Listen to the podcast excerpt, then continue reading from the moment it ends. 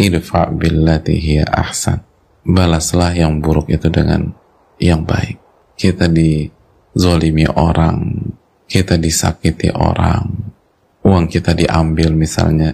Idfa billati hiya ahsan. Balaslah yang buruk dengan yang baik.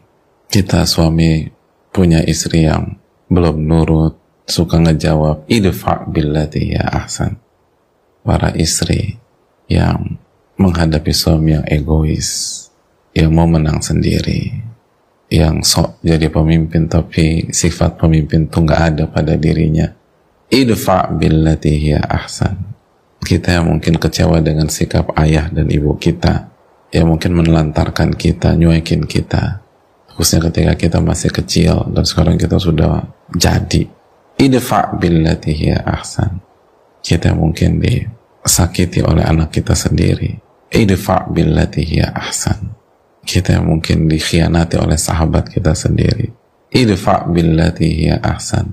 Emangnya gampang tuh ada orang tuh butuh satu tahun loh untuk ngamalin ayat ini bahkan bukan hanya satu tahun butuh beberapa kondisi yang mendukung.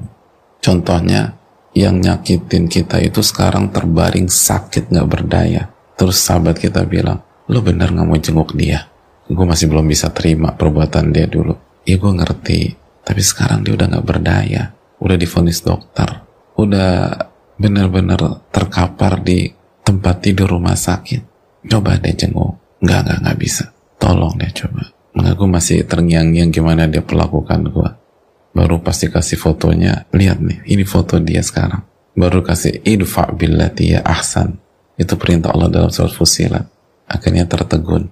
Oke okay deh besok kita ke rumah sakit. Jadi udah bukan hanya butuh waktu satu tahun, tapi butuh beberapa faktor yang membuat hati itu jadi luluh gitu loh.